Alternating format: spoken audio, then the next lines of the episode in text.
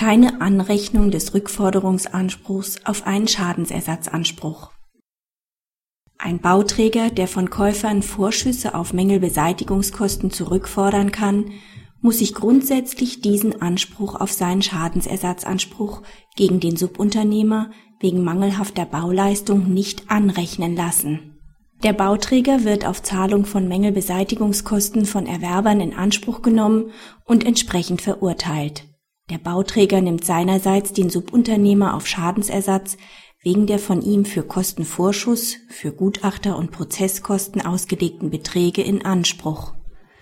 Der Subunternehmer wendet ein, dass auf diesen Anspruch der Rückzahlungsanspruch gegen die Erwerber angerechnet werden muss, da diese nicht innerhalb angemessener Frist den Nachweis der bestimmungsgemäßen Verwendung der Gelder geführt haben. Dies ist nicht möglich.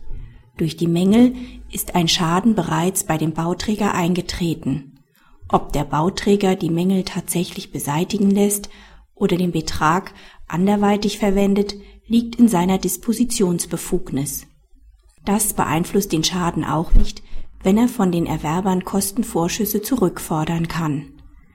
Ebenso wenig erfolgt eine Anrechnung im Wege der Vorteilsausgleichung. Diese muss durch eine wertende Betrachtungsweise erfolgen.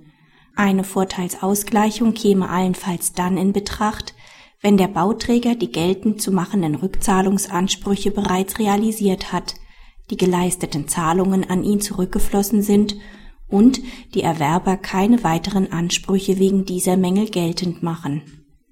Kritik Die Auseinandersetzung zur Frage der Vorteilsausgleichung hat der Senat selbst in seinen Urteilen im Zusammenhang mit der Leistungskette mit Nachunternehmern verursacht. Dort hat er entschieden, dass die Verminderung der Vermögenseinbußen beim Generalunternehmer zu berücksichtigen sind, zum Beispiel dann, wenn Ansprüche des Bauherrn gegen den Generalunternehmer verjährt sind.